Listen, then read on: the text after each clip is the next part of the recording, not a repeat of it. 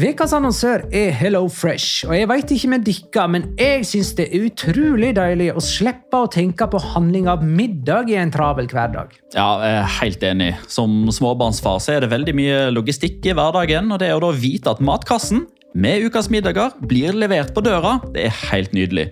Da slipper du impulskjøp på butikken når blodsukkeret er lavt, og når du kommer hjem, kan du bare ta ut posen med dagens ingredienser fra kjøleskapet og sette i gang matlaginga. Ja, Du kan velge mellom 25 ulike retter hver uke. Og de har faktisk en egen kategori som heter Raskt og enkelt, med masse enkle og gode oppskrifter. Veldig greit å ikke måtte ty til takeaway hver gang det er hektisk på jobb. Jeg gleder meg spesielt til sterk chilikylling i min neste kasse. Jeg blir sulten bare av å tenke på det. Ja, Det er ikke feil med bacon og cheeseburger heller, da. Og det som også er bra, er at matkassen koster det samme hver uke, som gjør det enklere å holde matbudsjettet. Ja, og så blir det ikke matsvinn heller, fordi du får akkurat det du trenger til hver eneste rett. Hello Fresh kan absolutt anbefales, og bruker du koden vår, LIGALOCA, kan du få opptil 1779 kroner i rabatt på de fem første matkastene hvis du ikke har prøvd Hello Fresh tidligere.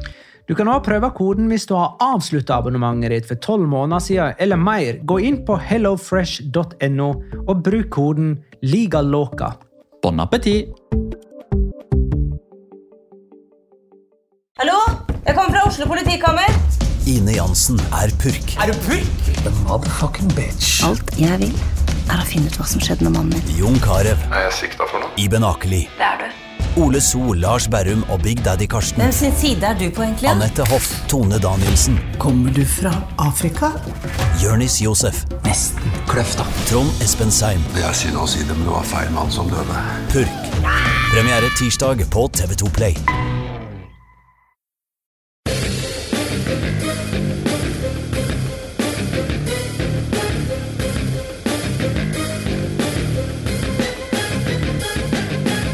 Har du sett? Sergio Ramos feirer bursdag i karantene, slik som han pleier. Pionicisto er derimot så lei av karantene at han har rømt tilbake til Danmark. Samtidig har fenomenet Ronaldo stålkontroll på sitt Valladolid, mens hans tidligere klubb Barcelona kutta lønninger over hele spillerfjøla. La liga loca.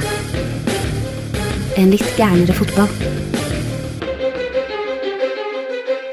Ja, ja, ja. Dette er La Liga Loca, episode nummer 109 av det helt ordinære slaget med meg, Magnar Kvalvik fra Bjerke.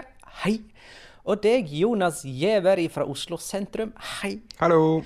Og deg, Petter Veland fra Oslo sentrum. Hei. Hei, Magnar. Hvorfor er du i Oslo sentrum akkurat nå, Petter? Eh, Jeg prøver påstanden om at Oslo sentrum ikke er stort nok for både meg og Jonas. Stemmer det. Men det er det jo ikke. Uh, Nei, du jeg sitter i Akersgata på behørig avstand fra alle andre og skal eh, snart uh, i gang med en litt sånn retro-variant av Champions League-finalen i 2014. Det er retrotid fortsatt, altså. Har det sammenheng med at det er lite fotball live om dagen, og at vi må ty til gamle historiske øyeblikk for å kose oss med fotball?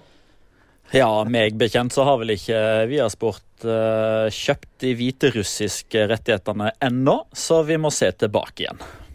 Hvordan går det med karantena, da, Jonas? Nå er jeg jo ferdig med den, da.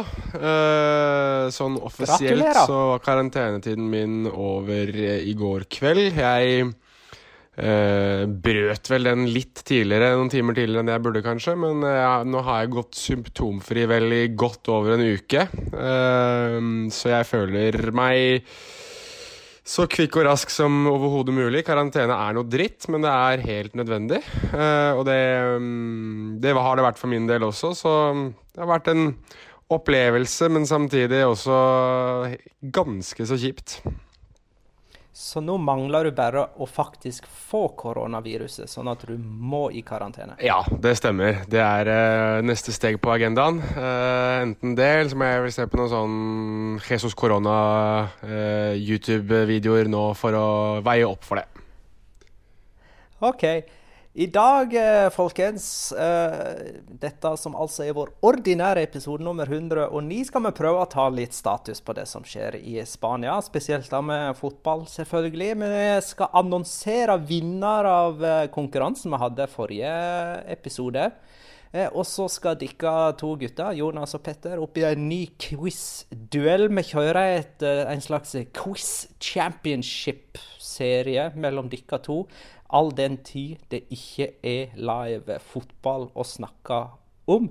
Vi skal nok en gang quize om en eh, levende legende. Neimen, så moro! Nei, men skal vi ta og snakke litt om status i Spania, rent bortsett fra at det dør sånn ca. 800 mennesker i døgnet. Eh, det er flere tilfeller av koronasmitta i Spania nå enn i Kina, og 14% av disse jobber i helsevesenet. Det er bare deprimerende. Eh, og sånn som jeg har forstått det nå, så har denne her stengingen av Spania blitt utvida til 11. april. Eh, og hvis det faktisk er sånn at man da løser opp på forhold, så har Spania vært stengt, så å si, i en måned. For det var 11. mars eh, det første skjedde.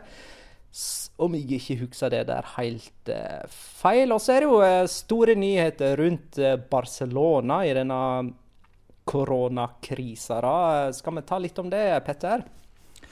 Ja, der var det jo um, Lionel Messi som uh, brøyt uh, stillheten igjen på Instagram tidligere i dag, mandag. Og offentliggjorde da at Barcelona-spillerne har sagt seg villige til å gå ned i lønn 70% midlertidig, så lenge denne koronakrisa varer. Eh, de skal òg ta på seg de kostnadene det innebærer eh, å få resten av klubben, altså de normalt ansatte. Altså de som jobber i butikken, de som jobber på kontoret, de som jobber med reisebyrå, billetter osv. Eh, at, at, de skal fortsette å få 100% av eh, lønna si. Så nå vil jo Barcelona fortsatt formelt sett be om en såkalt ERTE, eh, e, men nå vil det da være på mange måter med spillernes aksept. Eh, at det blir en, eh, en frivillig eh, variant fra, fra, Barcelona. For det har jo vært kalde stridens kjerne de siste tre-fire dagene, der man har fått rapporter om at Barcelona-spillerne ikke ville gå med på å gå ned i lønn. Men det har jo vært en veldig sånn svart-hvit forestilling, og der er jo Lionel Messi ganske klar i sin uttalelse òg, at grunnen til at man ikke har sagt noe før nå, er at man vil være 100% sikker på at man gjør det riktig. At dette ikke får får noen langvarige konsekvenser. At dette er ikke noe som kan uh, på mange måter slå tilbake igjen på spillerne i etterkant. Fordi det er helt åpenbart tillitsbrudd mellom spillergruppa og de som styrer og steller i klubben. Ja, Skal vi bare først ta dette med det formelle i avtalen? Altså at spillerne nå går med på å kutte store deler av sin lønn for å hjelpe nettopp de vi annonserte for to uker siden kom til å være de første som ble ramma av denne krisa, nemlig folk som jobber på kontor, eh, i administrasjon og sånne ting. Eh, at det var de som kom til å få slite først av stopp i La Liga. Men så går altså Barcelona-spillerne sjøl inn for å hjelpe dem med sin reduksjon. Det er sånn, sant? Ja, det er sånn man uh, oppfatter den situasjonen. Og det var òg en av årsakene til at uh, det da gikk uh, vel nesten ei uke fra Barcelona annonserte at de skulle gå til det steget som første klubb i La Liga og be om en såkalt ERTE, e, og til Barcelona-spillerne faktisk ble med på dette. De ville òg kjøpe seg tid for å finne ut ok, hvordan kan vi bidra til at eh, ingen av de som trenger jobbene sine og inntekten sin mer enn oss, eh, slipper å miste jobben eller inntekten? Eh, også til det med at Messi glefsa litt, da. Eh, internt når han eh, går ut i eh, med en, ja, Er det Instagram han bruker som sin kanal nå òg? Ja. Nevner han navn, nevner han navn der, eller? Nei, han gjør visst ikke det. Uh, han har jo, altså Lionel Messi har vel egentlig kun nevnt navn den ene gangen når han selv ble angrepet av en som eh, brukte hans navn, vel, i hvert fall en av uttalelsene sine, altså Erik Abidal. Nå er det jo mer, mer det at han har blitt Han har jo blitt frontfiguren da, for eh, Barcelona-kapteinene, for å si det på den måten. Den tid Gerard Piquet syns det er mer viktig med ting som Davies Cup, f.eks., og da er det jo Lionel Messi som er Uh, skal jeg si, gallionsfiguren for den eldre garde i Barcelona. Sånn har det jo blitt nå, med tanke på at alle de andre har enten lagt opp eller forlatt klubben. Tidligere så var jo Iniesta var litt bedre på å uttale seg. Eh, Busquets har aldri vært noen sånn kjempeuttalelsesmaskin. Og Jard Piquet som sagt uh, har mer andre ting han fokuserer på. Og den, den type som Carles Puyol eller Victor Valdez ikke er i klubben lenger, så, så faller mye av det ansvaret på, uh, på, Messi. Og det virker som det er et ansvar han tar veldig veldig seriøst. Og det, um, det er nesten litt gledelig å se at han, at han ikke gjemmer seg og er mer den kapteinsfiguren jeg tror både Barcelona og også Argentina på landslaget har, um, har ønsket. Så det, det er spennende å se at det er en en ny da, renessanse igjen, i form av hva slags type Lionel Messi ser ut til å bli nå inn i midten av 30-åra? Mm. Uh, det der uh, Sorry for at jeg tar konfliktting og er veldig tabloid i sånn måte. Men, uh, Velkommen sånn til min jobb. ja, ikke sant? Sånn som jeg husker den Abidal-greia der Messi glefsa, så hadde jo Abidal uttalt seg i et radiointervju om at Eh, det var enkelte spillere som mislikte Ernesto Valverde og ble eh, demotiverte av å spille under han, og derfor måtte Valverde sparkes. Og det var da Messi glefsa og sa hvis du skal si at spillere har vært demotiverte, så må du jaggu nevne navn, ellers så blir jo alle mistenkeliggjort. Og nå når Messi sjøl glefser på, in, på, Instagram, da, så nevner han ingen navn. Så da må jo alle som sitter i Barcelona-styret, likeså bli mistenkeliggjort for denne typen ja, åpenbare interne konflikt som nå har pågått i disse lønnsforhandlingsdager. Ja, altså hvis man skal lete etter håper jeg, noe å ta Messi på i denne sammenhengen, så er det nok det at han bruker eh, det virkemidlet som han sjøl reagerte på ble brukt mot han og spillergruppa sist. For det er som du sier, Magna, det, det blir ikke brukt noe navn. Eh, altså, I den uttalelsen så er det seks forskjellige avsnitt, og i avsnitt nummer tre så begynner han jo med å skrive at eh, de ikke slutter å la seg overraske over at eh, fra innad i klubben eh, så er det noen som forsøker å sette spillerne under lupen og eh, på mange måter eh, bygge press for at de skal gjøre noe som de alltid har vært veldig klare på at de uansett kommer til å gjøre. Eh, så, men det er klart at det, det hadde jo på en måte så hadde det òg tatt seg veldig ut, eh, eller veldig dårlig ut, om det hadde stått Bartomeo eller Grau. Eh, altså, fordi det er jo faktisk eh, klubben som står eh, samla, altså styret i klubben, der Bartomeo og Grau er to av mange. Det er jo faktisk de som, som, som faktisk da har bestemt seg for å eh, komme med denne ERTE-en. Og det var òg de som kom med det første forslaget til eh, spillerne, sånn som de er lovpålagt å gjøre når de går inn for en ERTE, så må det første forslaget, det første tilbudet, eh, må komme fra klubben. Og så må man enten bli enig, eller så blir det sånn at da innfører Barcelona uansett denne ERT1, for det har de lov til. Eh, de har hjemmel i loven eh, i henhold til den, den, den, spanske loven til å innføre dette her uansett. De trenger ikke kapteinene eller spillerne eller de ansatte sin aksept. Men nå, etter litt sånn tumult der, der man igjen har sett litt sånn hersketeknikk og litt antydning til gnisninger mellom spillergrupper og styret, så har man kommet fram til en løsning der det utad ser ut som at alle er skjønt enige om at dette er måten vi gjør det på. Og så syns jeg spillergruppa kommer veldig godt ut av det til syvende og sist når de tar 70% lønnskutt. Det er én ting. Det er ikke synd på de at de bare får 30% av de uhorvelige mange millionene, men at de i tillegg sier fra seg egne inntekter for å redde inntekten til de som jobber rundt de, kall det grasrota, det syns jeg er fint. For det hadde de ikke trengt å gjøre. Mm helt enig i det. Jonas, hadde du fingeren oppe? Ja, jeg skulle egentlig komme med en dårlig vits om at uh, hvis Lionel Messi har lyst til å kritisere uh, Bartomeo på rett måte, så må han jo Uh, må jo ansette sånn PR-firma som kan lage masse Twitter-kontoer, som kan lage masse svertekampanjer mot Grau og Bartomeo. Det er jo sånn de gjør det i Catalonia om dagen, er det ikke det? Du må ha noen sånne SoMe-roboter uh, i den uh, duellen der. Og det kan jo godt hende han har, for alt vi vet. Det kan jo komme for en dag.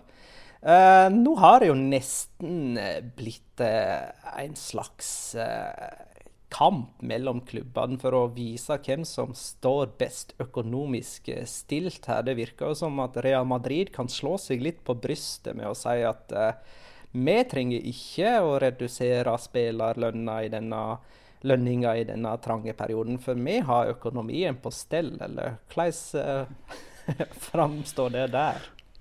Ja, altså Jeg leste en, en sånn kronikk fra en av krønikerne i Sport for et par dager siden, som visstnok baserer seg på informasjon som han har fått fra enkelte spillere i Barcelona, der et av spørsmålene de stiller seg, er hvorfor må vi gjøre dette når ikke Real Madrid må? Eh, det er alltid, altså Barcelona og Real Madrid blir alltid satt opp mot hverandre. De er favoritter sammen i enhver turnering. El Clásico de tjener like mye, sånn mer eller mindre. De får like mye av TV-pengene. De har ca. like stor stadion, like store inntekter, like store utgifter. Hvorfor må Barcelona-spillerne gjøre det? og ikke Real Madrid. Og Da er vi litt tilbake igjen til, eh, til det vi på mange måter synsa litt om for uh, både ei og to uker siden, med at Barcelona har en så vanvittig høy prosentandel av utgiftene sine på spillerlønninger. Og spillerlønninger, eh, sammen med eh, altså for, for, de klubbene som ikke eier stadion osv., det er faste inntekter, eh, nei, utgifter, eh, som skal ut. Uansett hva som skjer, som i utgangspunktet ikke tar hensyn til om det blir spilt fotball, om de går videre, om de vinner masse eh, premiepenger i Champions League, om de blir nummer 1 eller 17 i La Liga. Det, det tar ikke spillerlønninger og sånne type utgifter hensyn til. Derfor blir situasjonen raskere dramatisk for en klubb som Barcelona. På mange måter eh, det, det er egentlig litt sånn vanskelig å få satt hodet på, men altså eh, De rikeste klubbene har mest penger, ja, men de blir på mange måter mest skadelidende av dette her òg, dersom klubben ikke er godt økonomisk drifta. Og det tror vi egentlig har fått eh, Vi har vel for så vidt fått to streker under det svaret tidligere, med lønna til eh, Messi som, som, er så stratosfærisk høy, og likviditetsproblemer, og måten de måtte kvitte seg med Coutinho, og hva de gjorde i januar, eh, og, og diverse. at den økonomien der, den er ikke sånn som den bør være. Eh, hvilke andre klubber i tillegg til Barcelona er det som uh, sliter? Sliter og sliter, det er litt vanskelig å si, men de som i hvert fall har bedt om en ERTE e så langt, av de større klubbene, er jo Atletico Madrid, som egentlig bare trumfet sin gjennom ganske greit og sa at vi har meldt inn vår, og så vet jeg at Español har meldt inn sin. Uh, den var jo egentlig også å forvente, med tanke på alle de pengene de brukte i januar, at de mest sannsynlig kunne komme til å slite litt i en sånn situasjon som dette. Og så er vel Leganes, har ikke de også vært ute og meldt at de også har søkt, søkt inn sin? Alaves.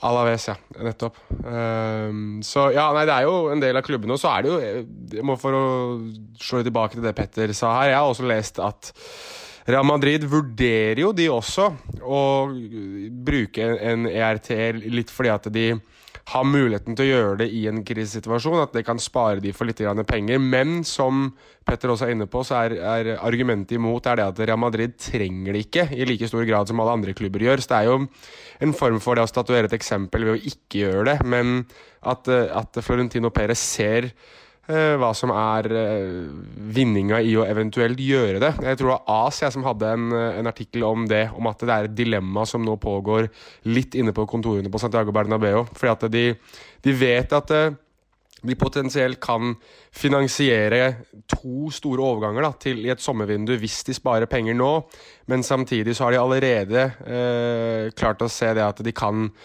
bruker mye penger på en type som f.eks. Kylian Mbappé, slik situasjonen er nå, ville vært uansett uten koronakrisen også. Så det er litt det derre uh, eksempel versus økonomi, og litt det hva som egentlig, hvor skoen trykker mest for Real Madrid sin del. Men jeg tipper at de kommer til å ende på en situasjon der de der de blir stående der de gjør nå, at de ikke gjør noe annet enn nødvendig. At det, det blir, det, de blir utbetalt de lønningene som er, fordi at de har muligheten til det. Og så er det òg en, en, kamp eh, det, mellom eh, diverse radiostasjoner som er nyhetsformidlere eh, nummer én eh, i Spania for øyeblikket. Fordi Cadena Cope eh, meldte på fredag eller lørdag mener at det var, at de hadde fått informasjon om at La Liga kom til å betale ut de TV-pengene som egentlig skulle komme 30. mai, det skulle komme nå. For at alle klubbene skulle få en buffer i en tomånedersperiode som gjorde at eh, altså La Liga så for seg at det kunne hjelpe stort sett alle klubbene bortsett fra Barcelona, Atletico Madrid og Español, som allerede da hadde iverksatt ERTE, til å komme over denne baugen.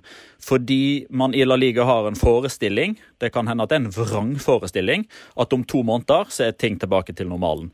Men dagen etterpå så kom Cadena Ser med helt motstridende eh, melding om at disse TV-pengene kom ikke klubbene til å se snerten av før kampene faktisk er spilt, og at de forventer at ca. halvparten av de 42 klubbene som er en del av Segunda og Primera, kommer til å be om en ERT. Um, en klubb jeg har registrert har gått ut offentlig og sagt de ikke skal redusere lønningene til noen som helst. Hvem er det? Det vet jeg ikke, uh, skal jeg være ærlig med deg. Jeg må, må, tenke litt nå. Det ble stille. Uh, Real Valladolid eh, har gått ut med den meldingen, så vidt jeg registrerte, uh, via Sidlow i alle fall.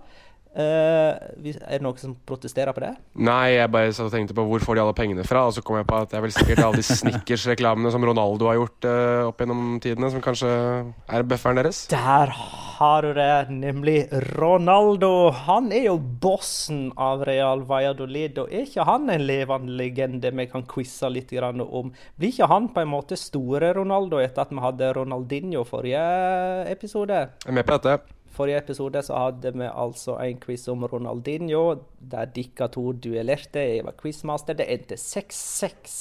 Jeg tror eh, Dere fikk sju spørsmål hver sant, og bomma på én.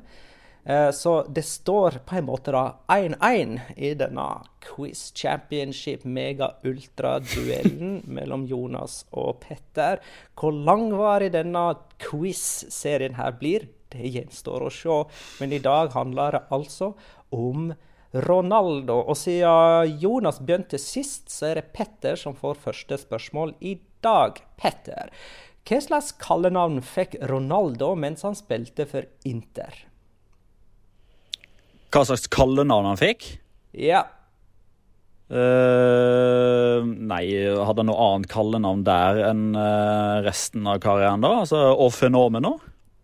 Det er Il Fenomeno som er riktig svar. Det var der navnet første gang kom, og siden har blitt stående. Så vi gir ett poeng til Petter. Altså fenomenet Ronaldo. Jonas. Barcelona henta Ronaldo fra PSV i 1996. Hvem var Barcelona-trener?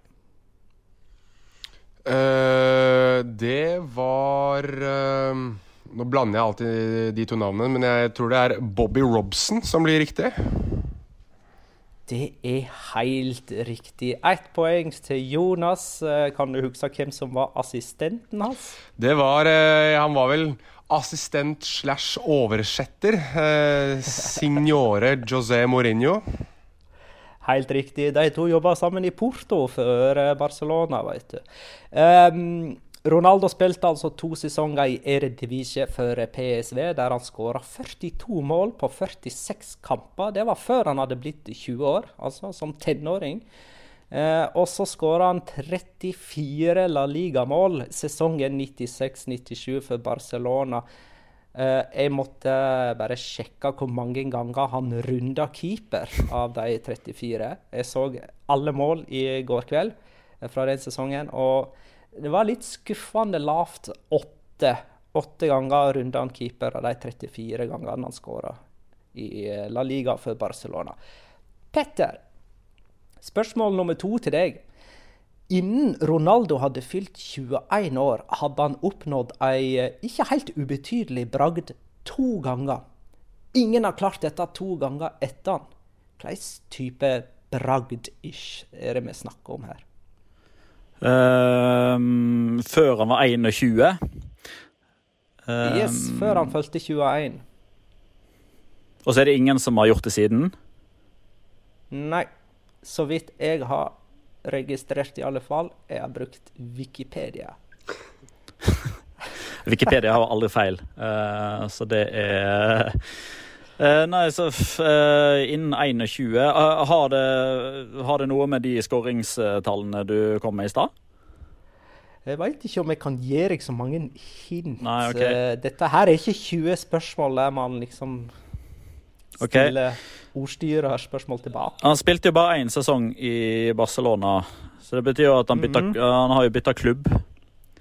Men det er veldig mange som har bytta klubb to ganger før han var 21. Han har blitt, kan være toppskårer i Toppskårer i Serie A og La Liga, da, muligens først Eller Nei ja, noe i den duren der. Det er um, toppskårer i Nederland og Spania før han er 21. Det er dessverre feil, Petter. Uh, det han hadde oppnådd to ganger før han var fylt 21 år, var å sette overgangsrekord. Ah. Han ble solgt fra PSV til Barcelona for ca. 135 millioner norske kroner. Det var overgangsrekord på den tiden. Eh, kort tid senere gikk Alan Shearer fra Blackburn til Newcastle for 150 millioner kroner, sånn cirka, og satte jo da en ny rekord. Men så tok Ronaldo rekorden tilbake kort tid etter det igjen, på ca. 200 millioner kroner fra Barcelona til Inter. Og det er én mann som har klart det før han, altså å sette to overgangsrekorder. Har dere lyst til å leke litt med den tanken. Dette er ikke et offisielt spørsmål. Jonas? Jeg eh, mener og har lest et sted at det er Diego Maradona. Helt riktig, Jonas. Og det samme med Maradona som med Ronaldo. Det var overgangsrekorder til og fra Barcelona. Um, nå skal vi se om jeg kommer til Jonas. Ditt spørsmål nummer to. Ronaldo var i Inter fra 97 til 2002. Hvor mange Serie A-titler vant han? Oi øh, Mellom 97 og 2002 um, Han spilte jo på, på, det som på det tidspunktet var et slags drømmelag. De hadde jo en ekstrem rekke med superstjerner. Diego Simione var der. Vieri var vel innom en liten tur der. Roberto Baggio hadde de. Paljuka i mål. Uh, Bergomi. Uh, men jeg mener å huske at de ikke vant noen seriegull. Uh, eventuelt ett seriegull. Enten én eller null. Altså par, nei, Lazio kom jo inni der og kjøper seg til et seriegull eller to, og så har du jo Juventus som alltid er der. Um, jeg tror faktisk han bare vant en cup med Inter, så jeg sier han vant ikke Serie A. Det er riktig, Jonas. Fabelaktig levert. Ronaldo vant bare én ligatittel i Europa, og det var i 2002-2003 for Real Madrid. Han vant aldri serien med PSV, Barcelona, Inter eller Milan. Oppskrytt, oppskrytt. Oppskrytt som bare fuck. Måtte jeg si det? Oh, som pokker. jeg retta på det. Nå, all, det var, nå har jeg plastra det, og det er vekke fra verden. Det har aldri skjedd. Um, nå, Petter, skal du få ditt spørsmål nummer tre. Ronaldo gikk fra Inter til Real Madrid i 2002. Hvor lang spilletid brukte han på å skåre sitt første Real Madrid-mål? Eh, hvor lang tid han brukte i debuten, eller hvor lang tid han brukte for Real Madrid? Ja, det blir i det er spilletid, så i debuten, ja. Han skåra i debuten. Vi kan si såpass. Ja. Um, for Han var jo der i ganske mange måneder før han spilte, for han hadde jo denne kneskaden vet du, som han sleit med i Inter, og som han tok med seg til Real Madrid. Ja. Nei, uh, dette blir jo Dette vet jeg ikke. Dette blir jo bare en gjetting. Uh, jeg håper jeg får noen slingringsmonn på et uh, minutt eller to, men jeg tipper han bare brukte fem minutter. jeg. Vet du hva, du hadde en slingringsmonn, men jeg ville ikke avsløre den på forhånd, for det ville liksom avsløre hele greia. Eh, du hadde en slingringsmonn på pluss-minus fem sekunder. Eh, han brukte 61 sekunder. Eh, og Ja, riktig. Ok. det var nok et litt vanskelig spørsmål, men grunnen til at jeg trodde du skulle klare dette, Petter, var fordi at Rodrigo nylig brukte bare 93 sekunder i sin debut på å skåre. Eh, og da kom liksom den her eh, Forgjengeren Ronaldo brukte bare 61 sekunder, og den sammenligningen der som jo eh, går litt over styr da, når spillere presterer i fotsporet til legender. Jeg burde tatt den så definitivt. Men faktum er, Magna, at hvis du stiller meg noen spørsmål om resultatene i forrige La Liga-serierunde som var, så er jeg faktisk litt usikker på om jeg tar det. Men det er jo lenge siden nå. Uh, Jonas, Ja. her, her skal du jaggu få et eh, ja-nei-spørsmål. Mm. Eh, og ikke fortvil, Petter. Du òg vil få et 50-50-spørsmål seinere, så det er ikke urettferdig, dette. Det er ikke det. Jonas Høyre, godt etter nå. Ronaldo spilte både for Barcelona og Real Madrid i El Clásico, og både for Inter og Milan i Derby de la Madonnina.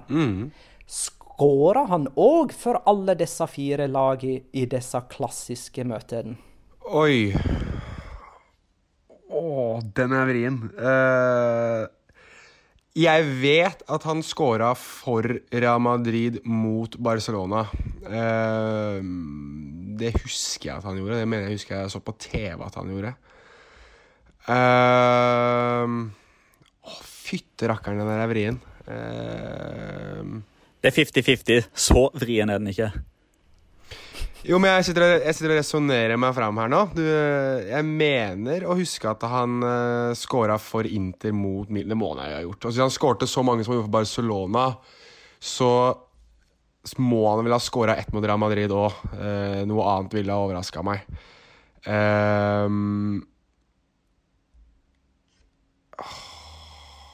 jeg, råsjanser på at han var jo en målsnik hele karrieren sin, så jeg sier ja. Han skårte vel for alle, eh, mot alle, holdt jeg på å si. Det er faktisk helt riktig, Hei. Jonas. Ronaldo skåra for Barcelona mot Real Madrid, for Real Madrid mot Barcelona. Han skåra for Inter mot Milan og for Milan mot Inter. Eh, det var i november 2007 at han eh, skåra for Milan mot Inter, og da kompletterte denne klassikerbragden, da, sjøl om Milan-oppholdet hans var bare så der. OK, vi skal ha mer mer av denne quizen etterpå. Eh, Det jeg tenkte nå, var at vi skulle prøve å kåre vinneren av rebusen eh, fra forrige episode, der vi har en Martin Ødegaard-drakt i potten. Dvs. Si en Real Sociedad-drakt med Ødegaard på ryggen og hans signatur. Klarte dere denne tricky rebusen vi hadde der, eller gutter? Dere har, har til og med glemt hele rebusen dere nå. Jeg husker rebusen, og eh, jeg ehm, klarte jo, eh, etter mange timers grubling og eh, vurdering og sånn, å endelig komme fram til, til svaret, ja. Jeg gjorde det. Rebusen var altså bibelsk figur, populær etat i disse dager og spansk avis.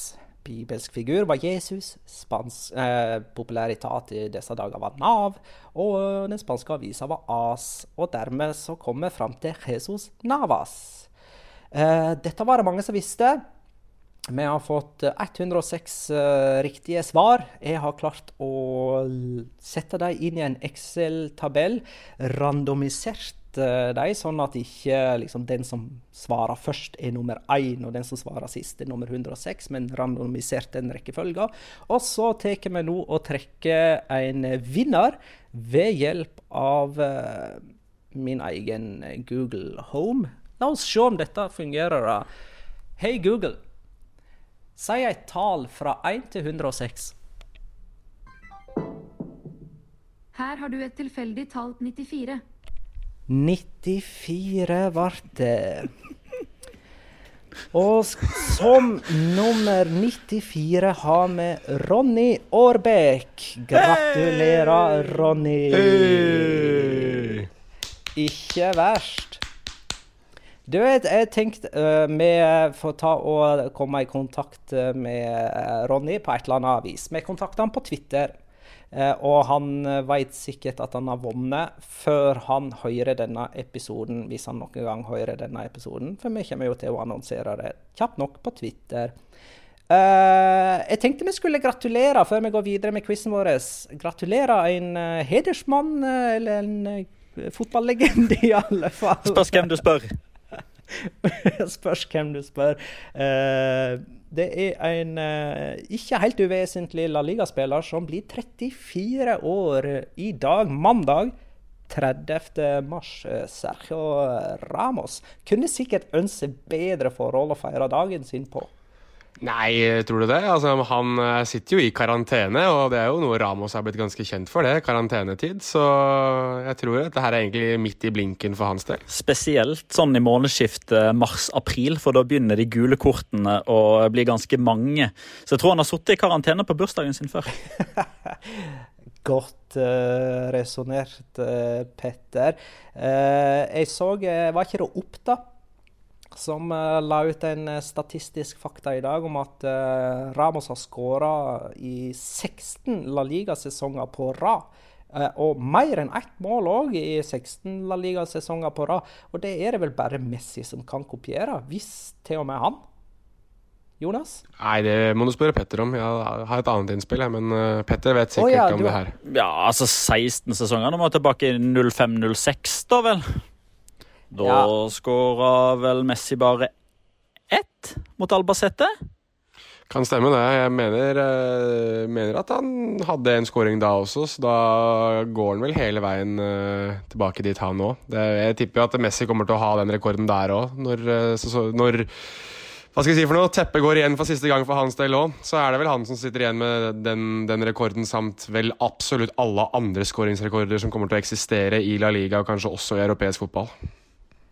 Men hva du skulle si da, Jonas? Nei, jeg tenkte at det, siden det er eh, Ramos og stor i dag, så kan vi jo prøve å finne et, et øyeblikk hver som vi eh, Altså, han får jo mye, mye, pepper, Ramos, med rette, men han må jo ha, få en del skryt òg. Altså, hvis jeg skal sette opp et sånn slags Spania 11 da, for uh, min levetid, så er vel Ramos kanskje den første som skal inn på det laget. Altså, og da er det jo nesten litt morsomt at man ikke helt vet om man skal spille høyre back eller midtstopper. fordi han har jo vunnet uh, en VM-tittel med Spania som høyre back, men uh, vunnet tre Champions League-titler på rad med Real Madrid som midtstopper. Så uh, selv om han får mye, mye pepper og med rette, og mange vil heller nevne han i forbindelse med judokast på Mohammed Salah, så synes jeg jo at uh, han, han, uten tvil er uh, definisjonen på en vinner, og definisjonen på en spiller som kommer til å gjøre det han kan for å passe på at sitt lag vinner hver eneste fotballkamp, selv om det tidvis går på akkord med, med regelboka, da. Petter? Nei, altså, Nå er jeg jo veldig sjølopptatt her, eh, i både én og to akter. fordi det første jeg skal si, som jeg husker han forrige, og det jeg skal snakke om sjøl på lufta senere i kveld, eh, nemlig dette 92-48 i Lisboa i 2014, som alle Real Madrid-supportere forguder Sergio Ramos for. Og så skal jeg være skikkelig, skikkelig, skikkelig ekkel eh, og si at et av de beste kommentatorøyeblikkene jeg har hatt, det var da Sergio Ramos skåra på hjemmebane mot Deportivo la Coruña helt på tampen, på en corner fra Tony Cross. Fordi rett før corneren ble eh, tatt, så sa jeg på lufta at nå kommer Cross til å treffe Sergio Ramos på hodet, og så vinner Real Madrid 3-2. Og det skjedde. Æsj, æsj, æsj. Fysj, fysj. Mange en gang, Petter, så har jo du eh, i vår eh, tippekonkurranse, der vi skal tippe resultat og første målskårer før hver serierunde, tippa Sergio Ramos som første målskårer. Eh, det tror jeg faktisk du gjorde òg da Norge skulle møte Spania på Mestalla i EM-kvaliken. Og da skåra Ramos med en Panenka-straffe. 50-50-spørsmål til dere. Har Sergio Ramos skåra mål på bursdagen sin før? Ja, det tror jeg han har. Eh, jeg sier nei. Eh, Magna vinner da denne quizen sammenlagt 1-0. ja, måtte bli sånn. Men, eh, men, kan vi også bare få skutt inn dette med at selv om Sergio Ramos er eh, kjent som en hardhaus, så er han jo kanskje også en av de mykere fotballspillerne som eksisterer, sånn i form av at hver gang han vinner et trofé, så syns jeg alltid at det, Jeg blir liksom litt sånn rørt av det, for at han har da alltid et eller annet Antonio Puerta-relatert på seg, eller eh, dedikerer titlene til Antonio Puerta, eller eh, liksom tar han med seg selv i, på dette stadiet her i karrieren sin. da og at han passer på å minne om at Antonio Puerta skulle ha vært med på alt dette her, han også. Eh, og det synes jeg alltid er veldig rørende, da. At, eh, det, at han selv om han veldig enkelt kunne ha lagt det litt vekk og kanskje hatt det som en ting han vil snakke om etter karrieren sin, så passer han på at det kommer i hovedbildet nesten hver gang han uh, klarer noe stort, da, enten å vinne trofé med Spania eller Real Madrid eller hva det måtte være. Og Det, det syns jeg er fantastisk, egentlig. Skal jeg fokusere negativt igjen, jeg da tenker på med det å forbinde Sergio Ramos med en slags ryggmarg, eh, ryggmargrefleks han har. Og det er å vinke opp alle spillere han feller, til og med før de har gått uh, i bakken. Og En gang i et Champions League-oppgjør så var han i en hovedduell med en spiller. De klinsja sammen sånn at begge datt. Og mens Ramos var i fallet, så vinka han faktisk opp motstanderen. Han hadde ikke sjøl kommet ned på bakken engang. Det, en, det er en sånn ibuende refleks han har. da. Og det er nesten litt fascinerende. Eh, hvordan går det med Pionicisto? Har han kommet seg hjem til Danmark? Ja, det har han. Um, og det er Uh, ja, vi kan, uh, vi kan, le av det. Vi, vi syns jo det er, eller jeg syns jo det er litt, uh, litt morsomt. Det jeg syns er morsomt i hele denne situasjonen her, er jo pressedekninga av det. Der den ene avsløringen etter den andre var kommet på løpende bånd. Altså, hvordan El Desmarque sin Celta Vigo-avdeling kan unngå å få Scoop-prisen etter dette her, kan jeg ikke forstå. Fordi det var jo faktisk Deportes Kåpe som kom med denne, denne, nyheten først, om at Pionicisto og søstera hadde kjørt bil, sin egen bil, med store bokstaver, eh, hjem til Danmark uten at Celta Vigo hadde gitt tillatelse, eller at de hadde visst om det. Ja, men fra Vigo, ikke sant? Og dette, dette, skjer jo rett etter at spanske styresmakter har utvida denne stengingen av Spania, Spania sånn at det, eh, som da skal vare til 11. april, der Pionicisto plutselig kommer på at nei, her gidder ikke å være, jeg reiser til Spania. På et tid der man ikke har lov til å gå ut, med mindre det er veldig viktig. Da setter han seg i bilen og kjører 280 mil til Danmark. Ja, og det er jo egoistisk eh, i seg sjøl. Eh, og dette, denne nyheten kom jo Deportes Coppe med, som sagt, og de utheva at det var sin egen bil. Det sto med caps lock i denne nyheten som de kom med. Men, men, men det jeg skal fram til, er at El Desmarque de kom jo med en oppfølgersak der de avslører at for å komme seg til Danmark, så har Pione Sisto kjørt forbi grensa til Frankrike, Tyskland, Nederland Belgia og så til Danmark. Altså Hvordan de ikke kan få en sånn gravejournalistikkpris, det er beyond me, altså. Uh, ja, uh, så de har Google Maps, de òg, altså? ja. Det var litt, var ikke han innom, innom, Luxembourg bare for å ta hele Benelux-rekka? Det syns jeg var litt skuffende. Uh, Nå i karantenetid, liksom. men, men han men, har iallfall kommet trygt fram, da.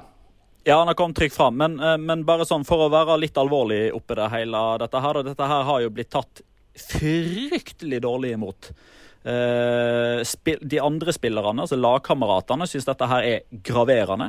Klubben kommer minst til å gi han ei saftig økonomisk bot. De utelukker heller ikke å gjøre eh, mer drastiske ting, som f.eks. rett og slett bare fristille han fra kontrakten. For det er ikke første gang Pione Sisto gjør noe som han åpenbart har kommet på helt sjøl. Det er ikke så lenge siden det kom fram at han i løpet av en tomånedersperiode utelukkende hadde spist frukt som toppidrettsutøver. Han hadde vært på en frukt fruktdiett, hadde han eh, gått på Dette var i, i 2019, altså det er et år siden. Da hadde han gått på en fruktdiett uten at klubben visste om det. Han er jo litt morsom, han der, da. Han er jo det. Men eh, skal vi gå tilbake til en legende som heter Ronaldo, da, og få en avgjørelse i denne quizen? Der er Jonas. Etter tre spørsmål så leder du 3-1. Dere har altså fått tre spørsmål eh, hver. Eh, Det er Petter sin tur nå. Hvilken klubb, eventuelt hvilke klubber, vant Ronaldo Champions League med? Han vant jo med Skal vi se, han vant ikke for PSV. Han vant vel bare Uefa-cupen med Inter. Han vant med Real Madrid Eller var det i 2002-2003? Nei, Barcelona Han vant ikke Champions League, han. Det er helt riktig, Petter. Ronaldo vant aldri Champions League. Så han, Han er oppskrytt, det er det jeg sier. Han har jo nesten ikke vunnet en drit på klubbnivå. Ja, altså Han vant cupvinnercupen med Barcelona i 97 og Uefa-cupen med Inter i 98. Og så var ikke han spilleberettiget for AC Milan i 2007, for at han kom midt i sesongen og hadde spilt Champions League med Real Madrid eh, tidligere. Milan vant jo eh, Champions League i 2007, som sikkert mange husker. Og her kommer jeg på en ting. Hva om vi prøvde å sette sammen et, en elver av spillere som aldri vant Champions League, med det kriteriet at de er så å si ferdige og kommer ikke til å vinne Champions League, og at de spilte i Champions League er en. For eh, jeg mener Du finner noen der. Er ikke Buffon en av dem? Ikke Zlatan har ikke vunnet. Zlatan har ikke vunnet. Du finner noen gode der, skjønner du. Diego Simione. Ja, der ser du. Sant? Så Ja. her kan vi sitte og drodle lenge. Erik Holtan vant aldri Champions League. Hva du sa Erik Erik Holtan? Nei, det er sant. Nei, vi har jo Buffon. Eh, Erik Cantona vant eh, ikke. Nei. Eh, Ron eh, Jonas. Nå holdt jeg på å kalle deg Ronaldo. Ja, jeg veit at jeg er skalla og er litt, begynner å bli litt overvektig i karantenetider, men nå får vi bare roe litt ned her. Ronaldo skåra ett hat trick i sin Champions League-karriere. Hvor skjedde dette? Jeg er ute etter stadion. Det skjedde på Old Trafford. Eh, der skåret han hat trick mot Manchester United. Og det var jo en greie da han spilte i Brasil, altså etter at han hadde spilt i Europa. Så hadde Jeg vet ikke om det er et spørsmål, så jeg sier ikke klubben, men den klubben han spilte for da, det hadde en T-skjorte hvor det på det tidspunktet sto Det er bare én Ronaldo som har skåret hat trick på Old Trafford. For da hadde ikke Cristiano Ronaldo ennå skåret hat trick for Manchester United på Old Trafford. Uh, så det er eh, Men det har Cristiano Ronaldo gjort seinere. han har gjort det én gang. Han skårte ett hat trick for Manchester United på, på Old Trafford mot Newcastle.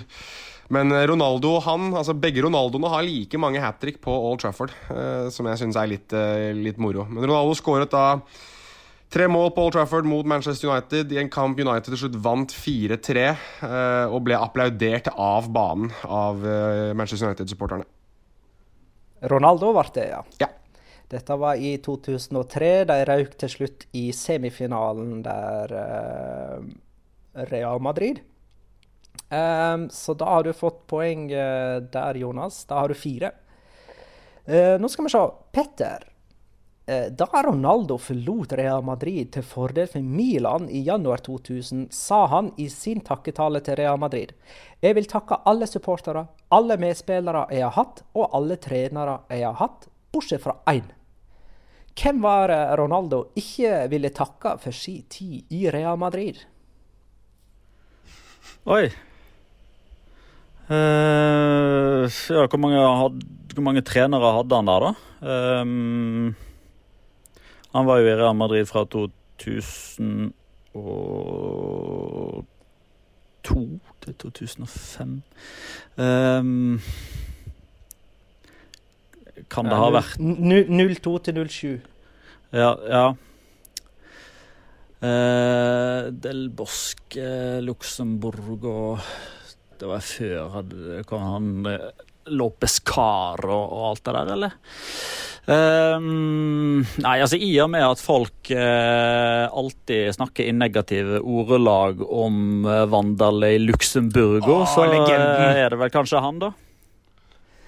Det er dessverre feil, Petter. Jonas har lyst til å svare på dette. Ja, jeg husker det. Fordi eh, det ble slått opp stort i en norsk avis også, mener, jeg husker. Han eh, skrev ganske tydelig at han takket alle i klubben, med unntak av Fabio Capello, fordi Capello hadde droppet ham grunnet vektproblemene hans.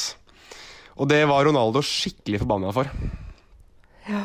Det stemmer, Jonas. Han ble vraka av kapellet pga. vektproblem. Et problem som forfølgte han videre til Milan, kan man si. Nå trenger jeg snart det 50-50-spørsmålet, Magnar. ja. Det begynner å nærme seg det nå, Petter. Jeg vurderer å gjøre om alle dine resterende spørsmål til sånn 80-20-spørsmål. Eh, Jonas, Ronaldo vant Ballon d'Or to ganger. Kan du nevne ett av de årene? Jeg kan nevne begge. Han vant uh, i 1997 og i 2002. Det er fordømt riktig, Jonas. Han vant i 1997 og i 2002. Petter, her kommer ja. 50-50-spørsmålet ditt, som du er nødt til å svare rett på. Ronaldo var med i OL i Atlanta i 1996. Og ettersom det var flere som het Ronaldo på laget, måtte de skilles eh, med enten å kalle seg Ronaldao, som var store Ronaldo, eller Ronaldinho, som var vesle Ronaldo. Spilte Il Fenomeno med Ronaldao eller Ronaldinho på ryggen i OL 1996?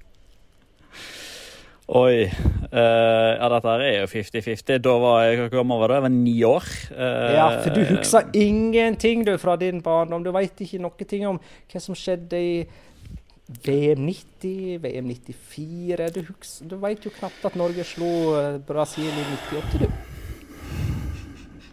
Gjorde de det? Hæ? Da spilte Ronaldo. Ja, nei da.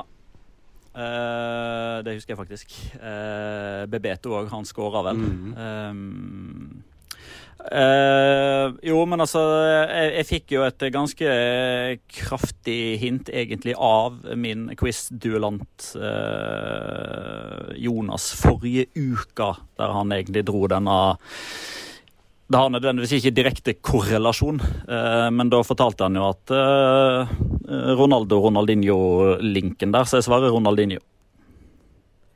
At han spilte med Ronaldao eller Ronaldinho på ryggen? R Ronaldinho. Det er helt riktig, Petter. Ronaldo spilte med Ronaldinho på ryggen i OL i Atlanta 1996. Moro det, da. Eh, Jonas, til VM i 1998 produserte Nike en fotballsko som fikk et modellnavn til ære for Ronaldo. En modell, en modell Ronaldo sjøl brukte under mesterskapet. Hva var modellnavnet på denne fotballskoen? Å, herregud uh,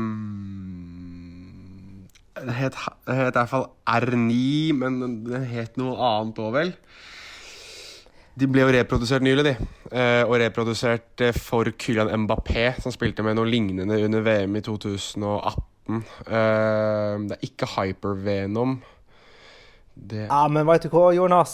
Du har gitt svaret. Mercurial. R9. Mercurial. R9 Mercurial. Ja, noe sånt sikkert. Men det var R9 jeg ville fram til her, da. Så det er riktig. Da er du oppe i Hva er du nå? Har du svart riktig på alle, eller? Tror det var seks rette svar nå, Jonas. Grunnen til at jeg spør, stilte dette R9-spørsmålet, eller ja, det som da ga svaret R9, var jo denne kombinasjonen av uh, initial og nummer, som jo seinere har blitt en sånn fotballspillermerkevare, som f.eks. CR7, ikke sant. Uh, og det er jo litt av grunnen til at folk irriterer seg over Cristiano Ronaldo, at han har brukt en sånn type Ronaldo-kopi ved å ta den R9-en og gjøre den til CR7, da, kan du si. Og så har du jo SR4. Hvem er det? Sergio Ramos fire. Hvem er IA10? Jago Aspas. Jago Aspas. Helt riktig. Der har vi de tre guttene, vet du. OK, da er vi på siste spørsmål til hver av dere. Petter. Eh, jeg kan avsløre såpass at du nå bare spiller for heder og ære. Eh, Der, det skjønte jeg etter spørsmål tre. Begrensa nederlaget. I VM 2002 skåra Ronaldo åtte mål og ble jo toppskårer da. Han skåra i alle kamper bortsett fra én. Mot hvem? Han skårer alle kampene bortsett fra én. Uh, her, her bomma jeg jo på Ronaldinho-spørsmålet sist, uh, med noe Tyrkia-greier. For det eneste jeg husker fra Brasil-Tyrkia, tror jeg det var, er vel denne Rivaldo nede ved sidelinja. ikke det da han skyter ballen på en, eller blir skutt på, og så holder han seg til ansiktet når han får ballen på leggen? Jo, dette måtte jeg dobbeltsjekke etter at vi snakka om det. Og det mener jeg var i gruppespillet, og så møtte Brasil Tyrkia igjen i semifinalen. Så det var i gruppespillet mot Tyrkia at Rivaldo hadde den der fake-greia. Ja. Nei, det, eh, VM 2002 det tenker jeg at jeg skal gjennomgå eh, litt eh, nøyere når jeg har eh, bedre tid. Det har jeg jo nå de kommende ukene, men eh, da gjør jeg eh, som følger. Jeg svarer det laget som jeg da vet at han spilte mot to ganger. Altså det er størst statistisk sjanse for at han ikke skåra mot Tyrkia. Altså, ble det feil igjen da, Petter? Nei. For sist gang svarer du Tyrkia, og svaret var England. Og nå svarer du Tyrkia, og svaret er England. Ja, men Brasil-England har ikke funnet sted i mitt hode. Ronaldinho skåra altså mot England, med det der frisparket som Jonas snakka om sist gang. Ja, det husker jeg nå. Og så skåra Rivaldo i den kampen, ikke Ronaldo. Nei, men Jodas, nå skal du få muligheten til å uh, utklasse Petter her med å svare tror, riktig på sju av sju. Dette er nok første og eneste quizen der jeg kommer til å utklasse Petter, uh, hvis jeg klarer det. Så jeg, dette her er litt uh, Jeg kjenner litt på nervene. Dette her er nedover gata di, vet du, Jonas. Hey. Dette her er du god på. Mm. I VM 2006 skåra Ronaldo sitt 15. VM-mål i karrieren, noe som var rekord på den tiden. Hvem har senere tatt over denne trona som tidenes VM-toppskårer? Eh, han skåret i hvert fall Det 15. målet skåret han mot Ghana eh, i vel åttedelsfinalen i 2006. Og så har jo Miroslav Klause eh, tatt rekorden fra ham siden ved å skåre vel sitt mål nummer 16 mot Brasil i denne famøse 7-1-kampen. Uh, eh, så jeg svarer at det er uh, Med mindre du skal nå komme med et eller annet sånn derre um, Regner vi kvinnenes VM, uh, lure spørsmålsopplegg, så Og der er det vel Marta som er nummer én, tror jeg. Men jeg, jeg går for Miroslav Klause, jeg. Jeg går for det safe her. Var det det du òg ville ha sagt da, Petter, siden du hadde hånda så høyt og til værs? Dette kunne jeg. Dette kunne du. Da ble det 7-3 til Jonas. Og da leder du 2-1 i The Quiz Master Championship Ultra Mega Fancy Stuff. Uh, har du lyst til å si noe, Pet Jonas? Congratulatore. Jeg må bare få sagt, uh, få sagt det, at uh, siden Petter skrøt litt av seg selv her i stad, så vil jeg også skryte litt av meg selv. jeg har jo faktisk på veggen min her hjemme et signert bilde fra Ronaldo fra hans, det, det målet mot Eller andre skåringa hans mot Oliver Kahn i 2002-finalen. Og da har jeg en en personlig hilsen fra Ronaldo der det står 'Til Jonas hilsen Ronaldo', signert på bildet. Det er, jeg, det er ett av uh, de tingene jeg er ganske stolt over å ha, faktisk. Eh, Jonas, du, hvem er det som har laga vårt eh, cover? La Liga Locas cover. Er ikke det Gunnarsson det heter? Det er Gunnarssons, ja. Ja. Eh, jeg ser at du har på veggen bak deg bil andre bilder de har laga. Og nå prøver jeg å, jeg, jeg, ser i alle fall Zidane sin nedskalling av Materazzi. Ja. Er ikke det? Jo, det... Så tror jeg jeg ser Berkan sin skåring mot Argentina i 94. Stemmer. Eh, og så ble det litt dårlig lys. Jeg tror jeg ser Rekdal sin eh, straffeskåring på Taffarel. Det mener jeg du har som bakgrunnsbilde på din telefon, så det har du, ja. Nemlig. Nemlig. Og så Ja, det var vanskelig å se de andre. Du har seks uh, sånne ja, historiske Deilige illustrasjoner fra ulike VM. Ja, Resten her er eh, Nederst til venstre så har jeg Andres Iniesta, som eh, feirer å ha vunnet VM. Og så har jeg det famøse bildet der eh, Maradona står med 17 mann foran seg. Og så er det fra VM i 1970, hvor det er vel Jairzinho vel som løfter Pelé etter at de har skåret det, der, det, det, målet der Messi og Dembélé kopierte feiringa for uh, en tid tilbake siden. Vi er i mål med denne episoden, gutta. Så bra. Uh, mm, det blir Maira Men, uh, jeg merker at opptaket mitt har gått i fløyten, her, så vi må ta hele episoden, inkludert quizen, på nytt. Hei! Matheo Laåsfinger ja. der, altså. det er greit. Da gjør vi det en gang til i morgen. Kan jeg komme med et forslag? Før du avslutter? Kom med forslag, da. Jeg syns, mm. jeg syns, det var kult det du sa dette med å lage en elver om, med spillere som ikke har vunnet uh, Champions League. Skal vi ta, prøve å ta høyde for å lage på sikt, siden det er så mange som stiller spørsmål rundt elvere? Skal vi kanskje få folk til å sende inn litt sånne ideer på elvere og ta en elverepisode, som vi kan, uh, som vi kan forberede oss litt til, istedenfor å sitte og plutselig komme opp med navn som vi gjorde her i stad, der bl.a. Erik Holtan ble nevnt. Så kanskje vi skal prøve å gjøre det litt mer seriøst og, og lage en elver spesial. Ja, men da har vi jo en elver å starte med, da. Har ikke vi? Det har vi. Vi kan jo prøve å lage kanskje to-tre til, eh, så folk faktisk hører mer enn bare den ene elveren. Og så blir det mer quiz òg neste gang. Woo! Det blir jo selvfølgelig det. Jonas leder 2-1 etter uh, to quizer, for de får ett poeng hver for uavgjort. Så sånn er det. Men eh, lykke til med kveldens sending, Petter. Lykke, lykke til. til med vel overstått karantene, Jonas. Takk eh, for alle som har sendt inn svar på Martin Ødegaard-oppgaver, og dessuten forslag til innhold i dagens episode. Takk for at du lytta, kjære lytter. Ha det, da.